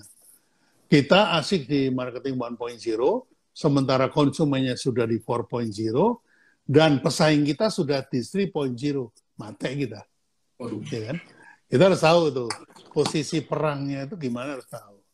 Okay. Ini ini yang saya kupas tuntas di uh, workshop tanggal 20 21 itu. Wow. Dua hari. Ya. Mantap. Jadi workshopnya dari jam 7 sore sampai jam jam 10 malam. Uh, sampai jam 10 jam. malam. Tiga jam. Enak ya. banget waktu itu saya ikut bisa bikin brand online yang Pak Abi dulu masih yang dua jam tuh satu hari itu. Ya, tiga jam, betul. Ya, tiga jam. Kenapa? Karena kita kasih kesempatan pertanyaan lebih luas. Gitu.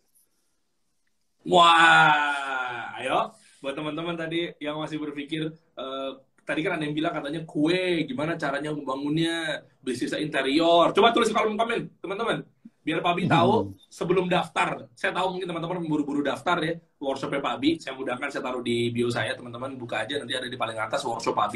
Nah uh, jangan dulu buru-buru daftar teman-teman. Coba kita pengen tahu dulu kira-kira yang di bawah ini Pak mungkin nanti nggak usah jawab secara detail tapi kasih kode aja ke saya bahwa yang disebutin sama teman-teman bisnis modelnya apa, produknya apa, mereknya apa ya, produknya lebih tepatnya. Kira-kira mereka yang di bawah ini bisa nanti nggak uh, cocok untuk ngerasain ilmunya Pak Abi yang Pak Abi akan kasih di workshop.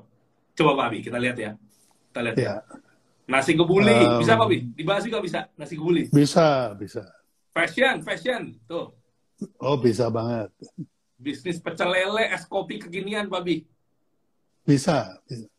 Uh, minuman, kopi. Tuh, apakah bisa ditonton offline karena masih studi di luar negeri, Pak Abi? Ada rekamannya nggak, Pak Abi?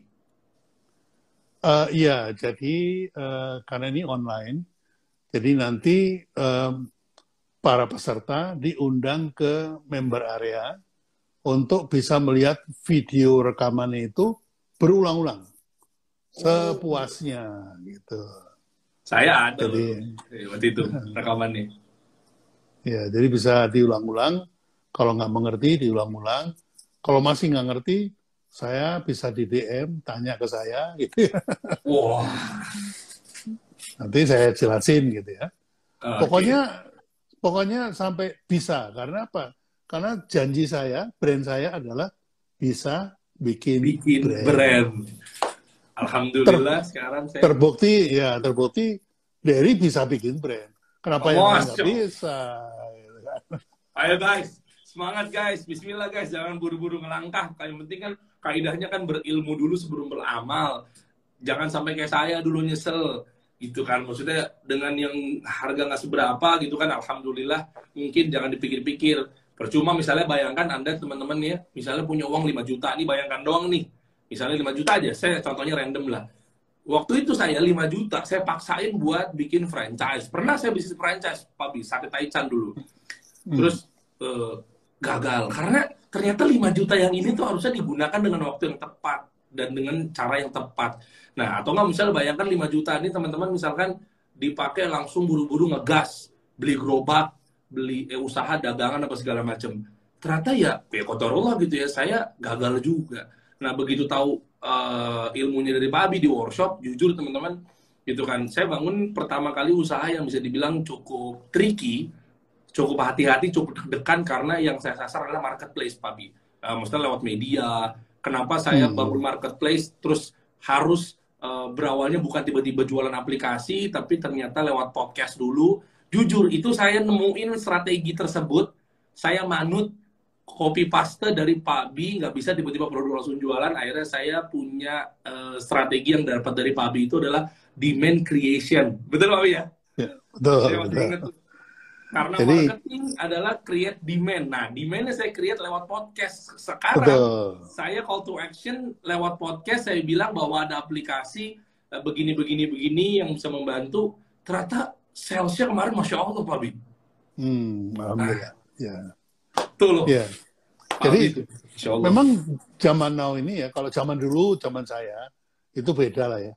Tapi karena saya harus relevan mengikuti zaman, jadi yang saya perhatikan zaman now itu memproduksi konten sama pentingnya dengan memproduksi produk.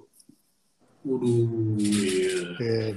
Jadi kalau Anda salah bikin konten, termasuk bikin tagline, ya Anda sama aja uh, mem meniglek apa ya, me membiarkan produk Anda itu menjadi tidak menarik, tidak ada call to action gitu. Iya, bener. Kalau pengen bisa bikin tagline kayak Pak Abi, gantinya ngopi. Kalau sudah duduk lupa berdiri, uh, Indomie seleraku, kita kasih solusi. Itu saya dapat itu dari Pak Abi loh. Saya jadi buka loh teman-teman. Kita kasih solusi karena uh, slogan atau tagline itu bagian dari ada call to action juga Pak Abi ya, value gitu kan. Betul. Waduh. Betul. Uh, itu works gitu dan saya salah satu murid Abi yang memang uh, saya ikutin step, by stepnya saya ulang. Kan ada dikirimin sama Pak Kasim tuh link unlistednya Pak biar rekamannya ketika waktu kemarin saya BBB online juga kan. Sama teman-teman sekarang nih workshop Pak itu online. Saya nontonin terus saya bolak-balik videonya saya latihan terus saya ulang-ulang. Karena kan waktu itu kan nontonnya kapan pun dan di mana pun uh, buat rekamannya Pak Bisa. Tonton akhirnya dapat barulah saya gas sama teman saya bertiga tuh kan. Saya kan Rena sama Halid masya Allah sahabat-sahabat saya. Nah itu saya bikin tuh kasih solusi itu. Dan itu works masya Allah gitu. Oke. Siap. Ada lagi pertanyaan mungkin dari teman-teman? Atau mungkin Pak Bi gimana? Mau masih jawabin pertanyaan? Cukup? Ya boleh. Kalau masih ada pertanyaan boleh. Ada ya? Ada Pak Bi banyak banget. Puas Iya, masya Allah. Lebih lengkapnya sebetulnya nanti di workshop Pak Abi sih ada di link saya teman-teman tuh saya masuk ke website Pak Abi, saya mudahkan teman-teman langsung diklik aja di link di uh, bio saya.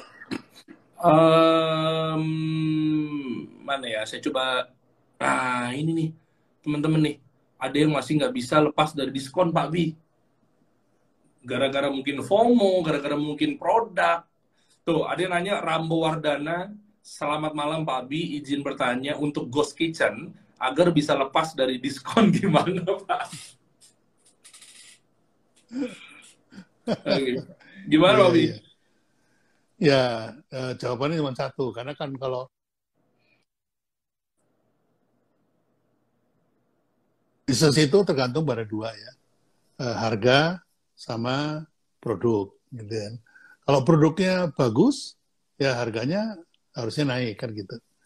Nah, yeah. kenapa Anda mengandalkan diskon? Karena yang Anda jual itu sama, generik sama seperti orang lain. Hmm. Kalau Anda bisa membuat produk Anda itu beda, mungkin secara fisik sama, ya. Tapi di benak konsumen itu di persepsi beda, itu harga nggak jadi masalah. Hmm, Oke. Okay. Ya, jadi uh, uh, contohnya misalnya Eh, kembali ke kopiku ya. Kopiku itu kan permen gitu ya. Tapi dipersepsi sebagai kopi gitu. Waduh. Jadi jadi uh, uh, kalau dipersepsi itu beda, maka dia harga nggak jadi masalah. Nggak perlu kasih diskon, nggak perlu kasih harga murah gitu ya. Karena hmm. apa? Karena di persepsinya sudah beda. Nah, bagaimana caranya Ghost Kitchen ini apa namanya uh, uh, bisa lepas dari diskon kalau orang sudah terlanjur terdidik sama uh, rasa. Oke. Okay. Gitu.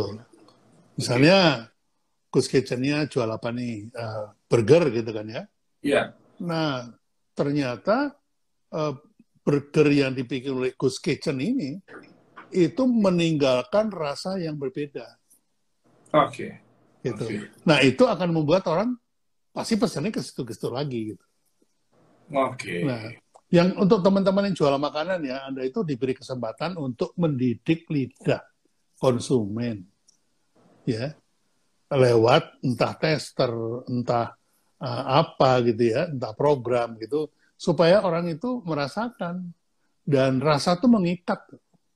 Rasa itu iya. mengikat. Ya, saya aja pakai pasta gigi dari tahun uh, 78 sampai sekarang nggak ganti merek. Apa Pak Bi? Pakai enzim. Oh, enzim. Kenapa Pak Bi pakai enzim? Kenapa bisa jadi evangelisnya enzim?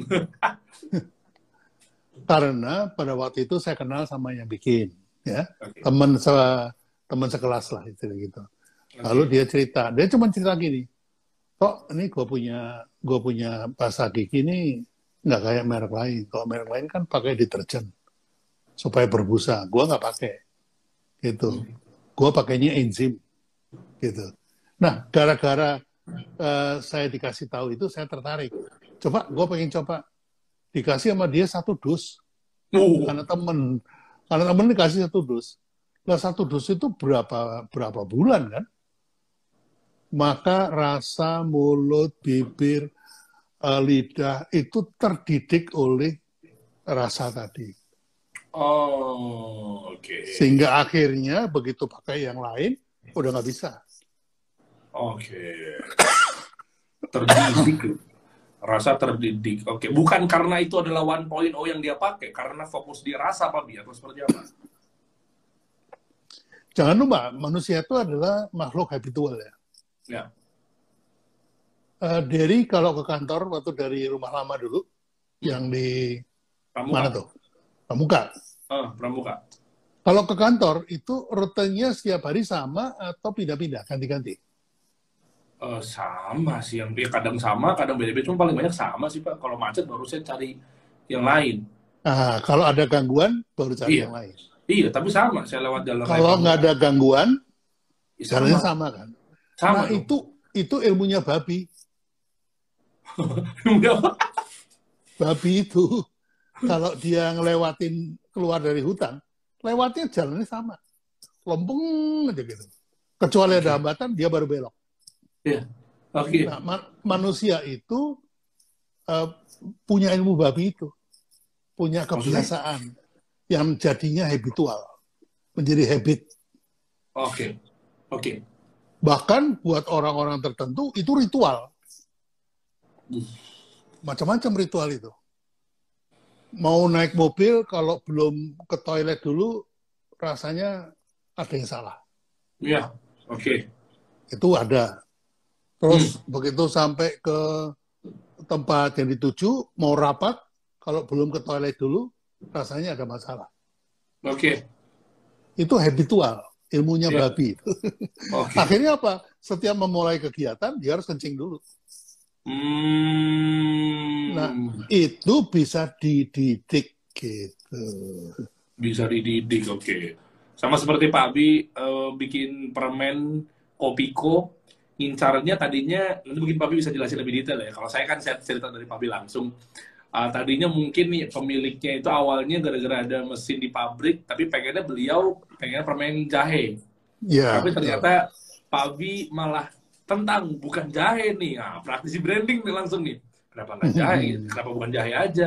Ternyata Pak Abi pakai uh, permen yang kalau jahe saya pun jujur ngejahe aja mungkin dua bulan sekali atau mungkin dua bulan lalu gitu Pak Abi. Betul, nggak ada habitnya.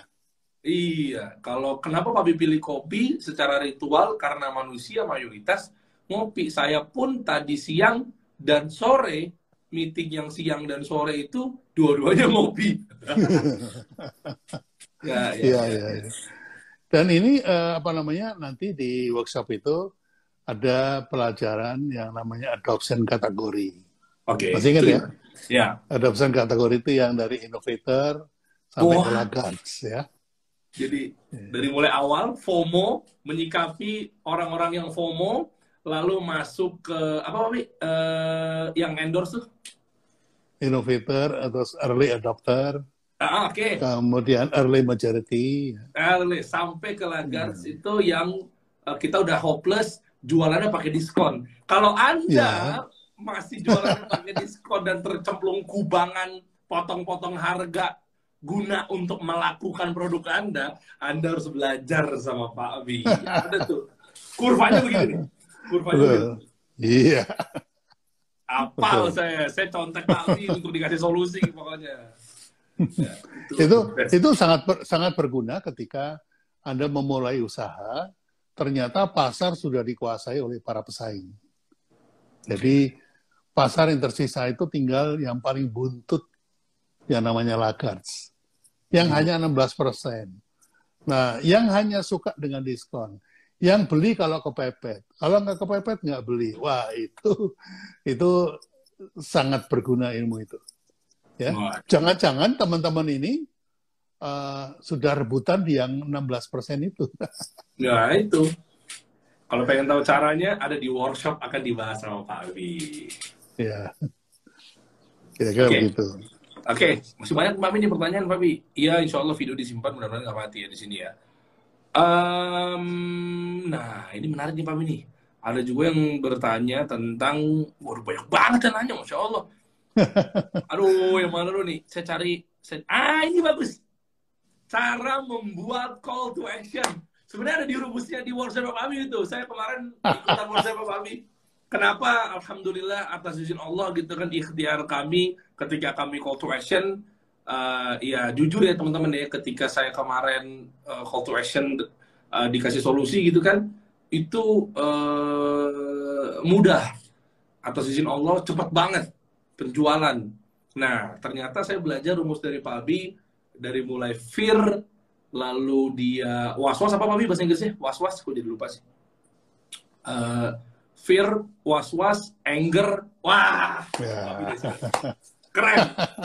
Sampai mau nggak yeah. mau orang merasa takut kalau nggak sampai dapet itu rumus call to action Pak Abi di workshop the best man. Gimana Pak Abi coba? Iya, kalau call to action itu memang harus ada visualnya ya. Karena kalau tanpa visual agak sulit untuk dipahami. Takutnya malah nanti uh, apa namanya keliru. Tapi saya bisa sampaikan di sini bahwa call to action itu ada hubungannya sama hormonal ya. Apakah itu uh, hormon oksitosin, apakah itu hormon dopamin, ya, apakah saya itu. Saya Guys, lu kalau ikutan workshop sama Pak Abi nggak nyesel. Ini nih, setiap workshop sama Pak Abi berbayar, saya ikutin sama workshop workshop sama Abi saya ikutin. Tuh, nggak tuh? Tuh masih ada tulisannya tuh, Hotel Indonesia Kempinski. Call to action, hormon-hormonnya dopamin, endorfin, tropik, kortisol, oksitosin, ngaruh tentang call to action kita kalau low orang nggak beli guys. Tapi kalau lo call to actionnya high call to action dengan mempengaruhi uh, hormon yang dinamakan tentang kortisol, kortisol. Ah! tuh. Kortisol Pokoknya yeah. dahsyat Pak Bi deh. Aduh. Lanjut Pak Bi. Ya, gitulah teman-teman. Jadi uh, memang uh, saya juga banyak belajar dari perkembangan-perkembangan yang ada ya. Sekarang ini saya juga sudah mulai tadi ngintip-ngintip apa itu blockchain. Iya, iya, iya. iya, iya supaya tetap ya, supaya tetap relevan. Oke. Okay. Nanti blockchain itu ada hubungannya sama di strategi uh, apa uh, eranya 5.0. 5.0 ya. Menurut ah, Kotler di 5.0. Pak Bi, Mardigu Bosman nonton Pak Bi. Hah? Mardigu.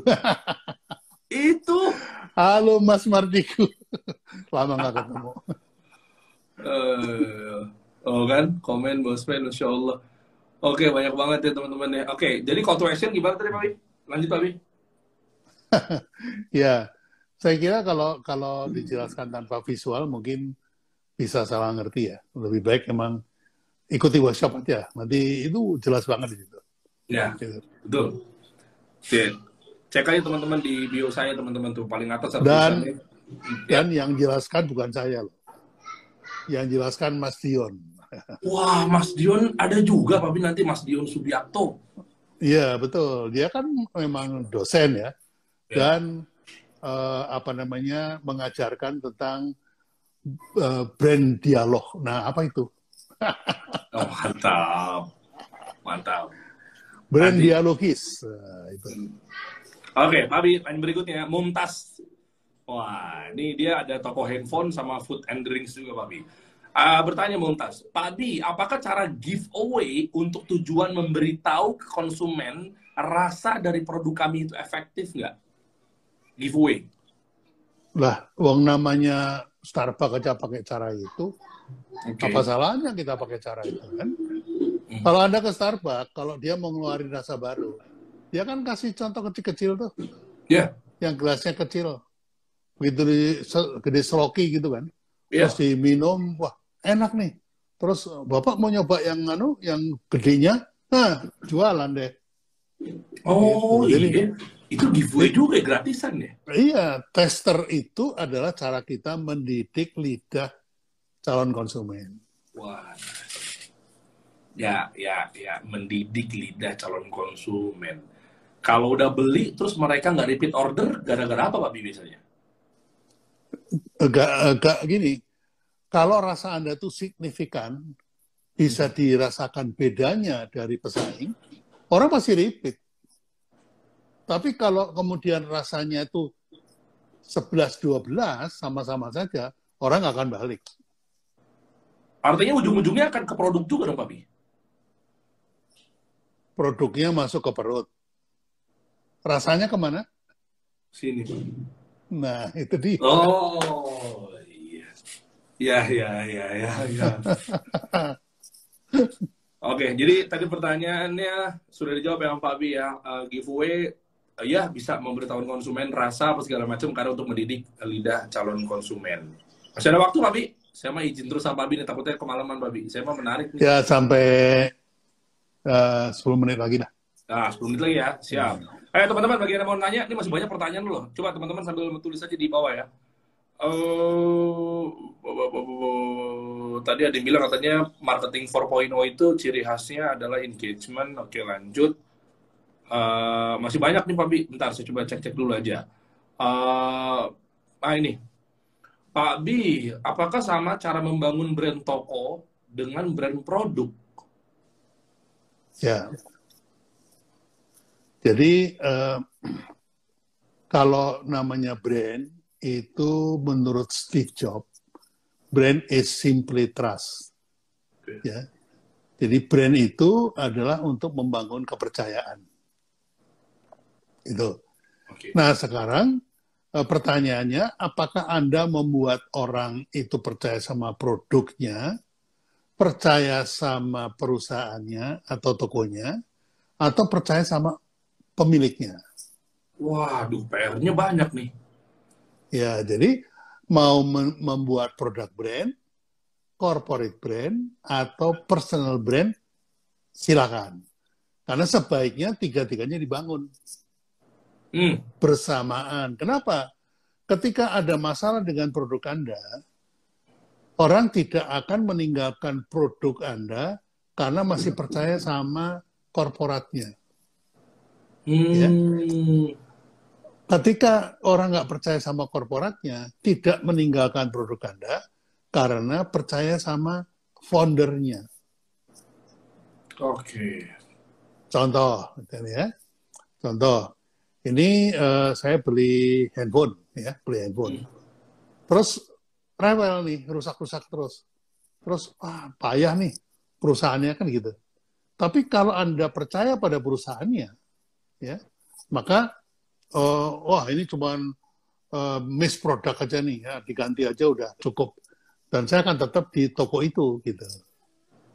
Nah ketika toko ini uh, apa namanya uh, tidak dipercaya karena harga sahamnya turun terus gitu ya. Terus kemudian, wah saya mau jual aja deh sahamnya deh. Turun terus nih, sebel nih. Tapi pemiliknya Bang Sandi Uno. Wah, gitu.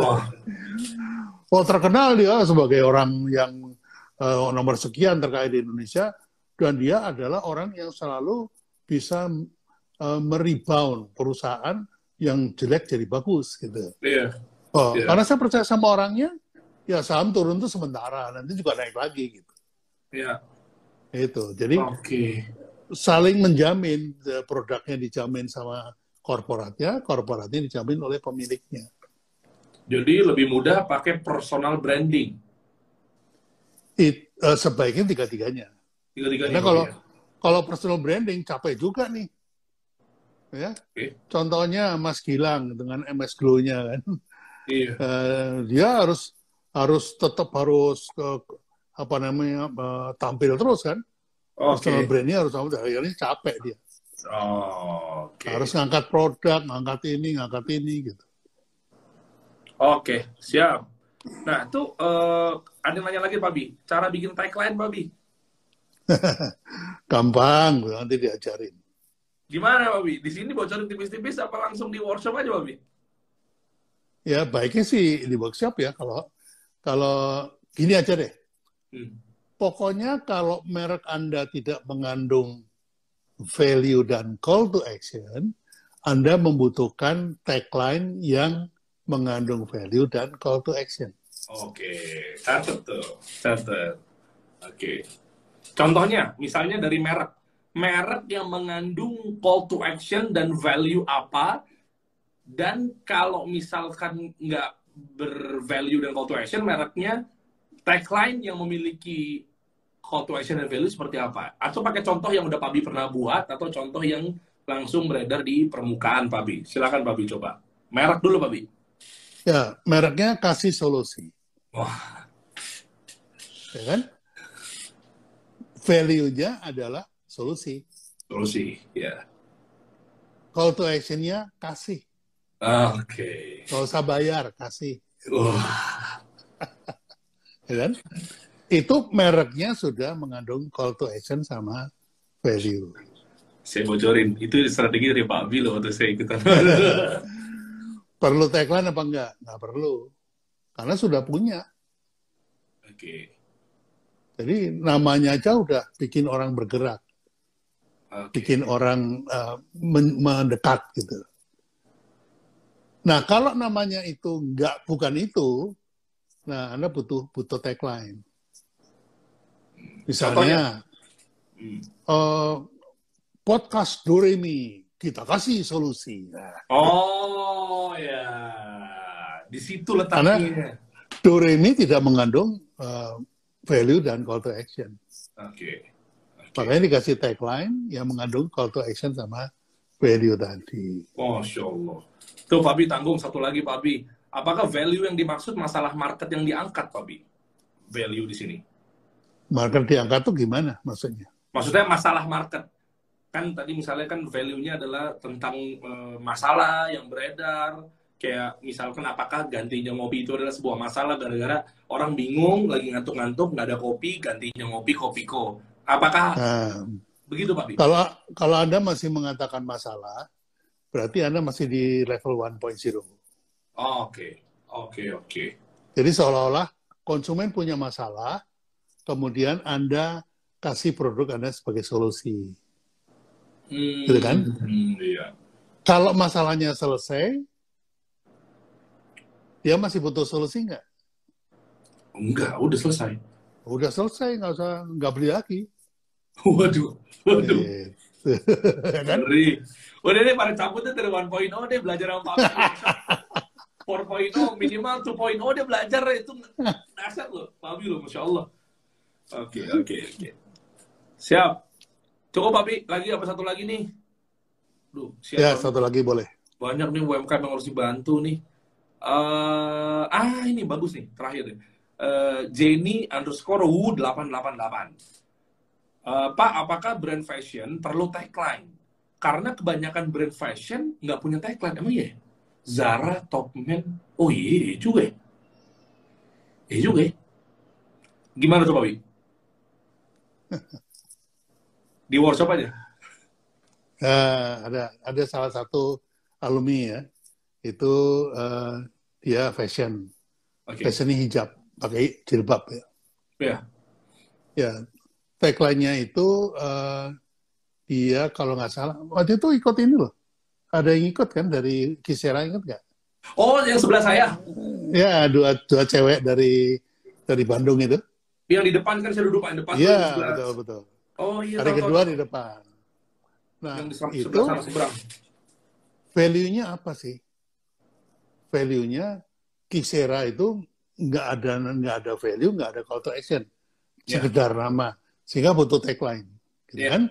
Mm. Nah, value dari tagline yang diangkat itu adalah bahwa jilbab Kisera itu four in one. Dalam empat. satu jilbab ada oh. empat warna. Oh, Oke. Okay. Gitu. Ya, Dibalik-balik ya, ya jadi empat warna. Nah, akhirnya apa? Four in one itu menjadi value sekaligus call to action. Hmm. Orang orang tiba-tiba mendekatkan apa?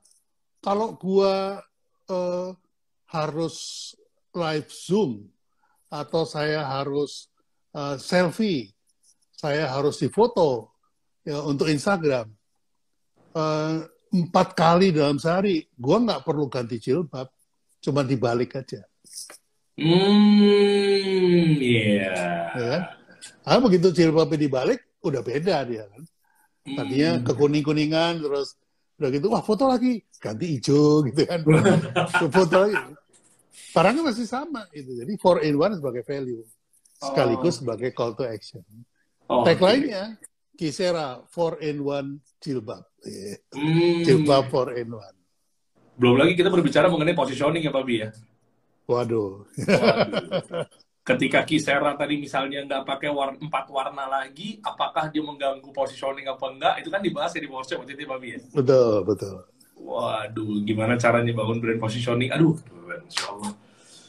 Papi terakhir Pak Bi, kasihan Papi teman-teman saya Papi satu lagi Papi, ini bagus nih. Iya boleh boleh boleh. Banyak nih biar teman-teman merasakan apa yang saya rasakan bareng sama Rena atau Halid dikasih solusi karena belajar dari Pak Abi saya. Nih, uh, Reni Noto Harjono, brand dapur Oh, nama brandnya Dapur Nyonya Gendut. Tagline-nya cita rasa otentik Nusantara. Apakah udah sesuai call to action dan value, Pak Bi?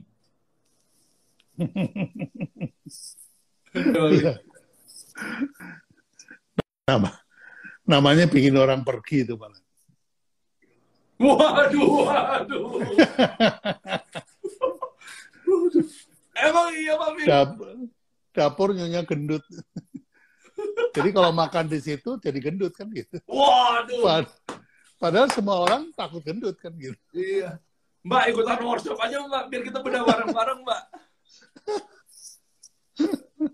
Cukup iya, ya? Iya, iya. Cukup ya? Iya, cukup. Cukup, cukup. cukup. Ya.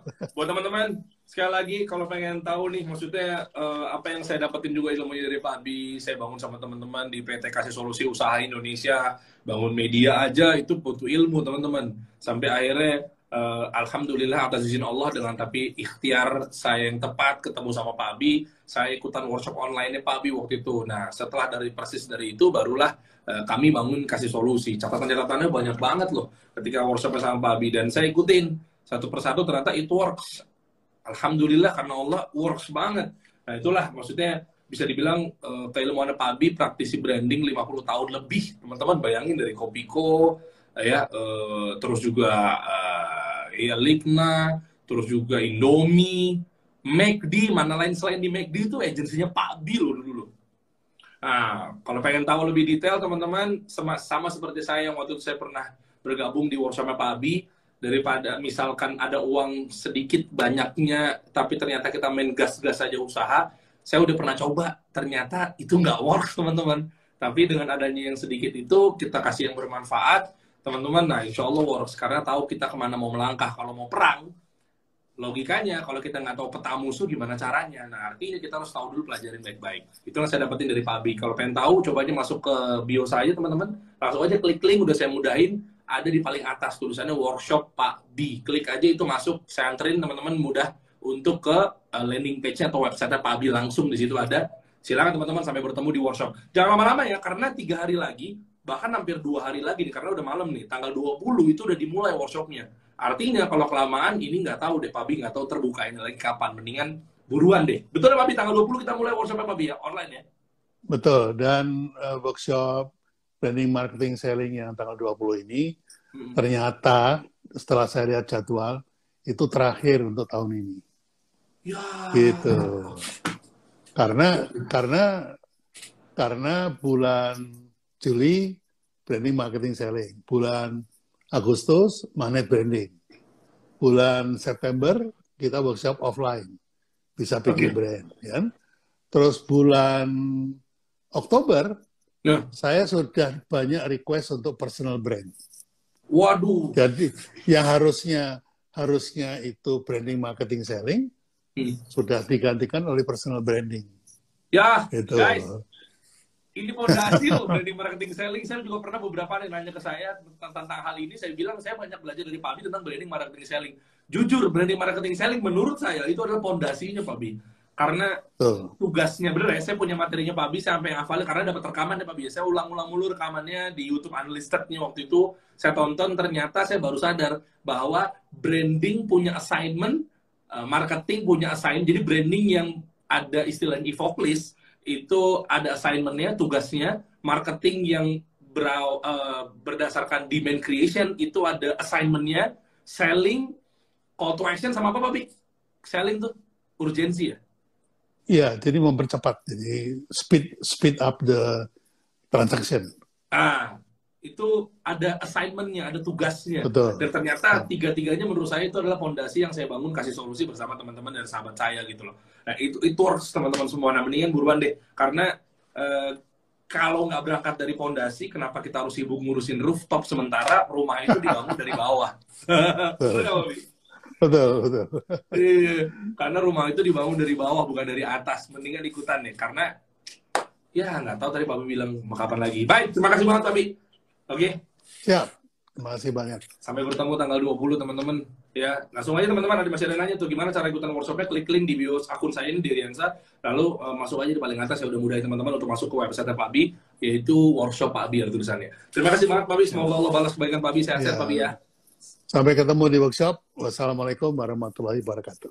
Waalaikumsalam warahmatullahi wabarakatuh. Terima kasih teman-teman semua. Jazakumullah khair barakallahu fiik.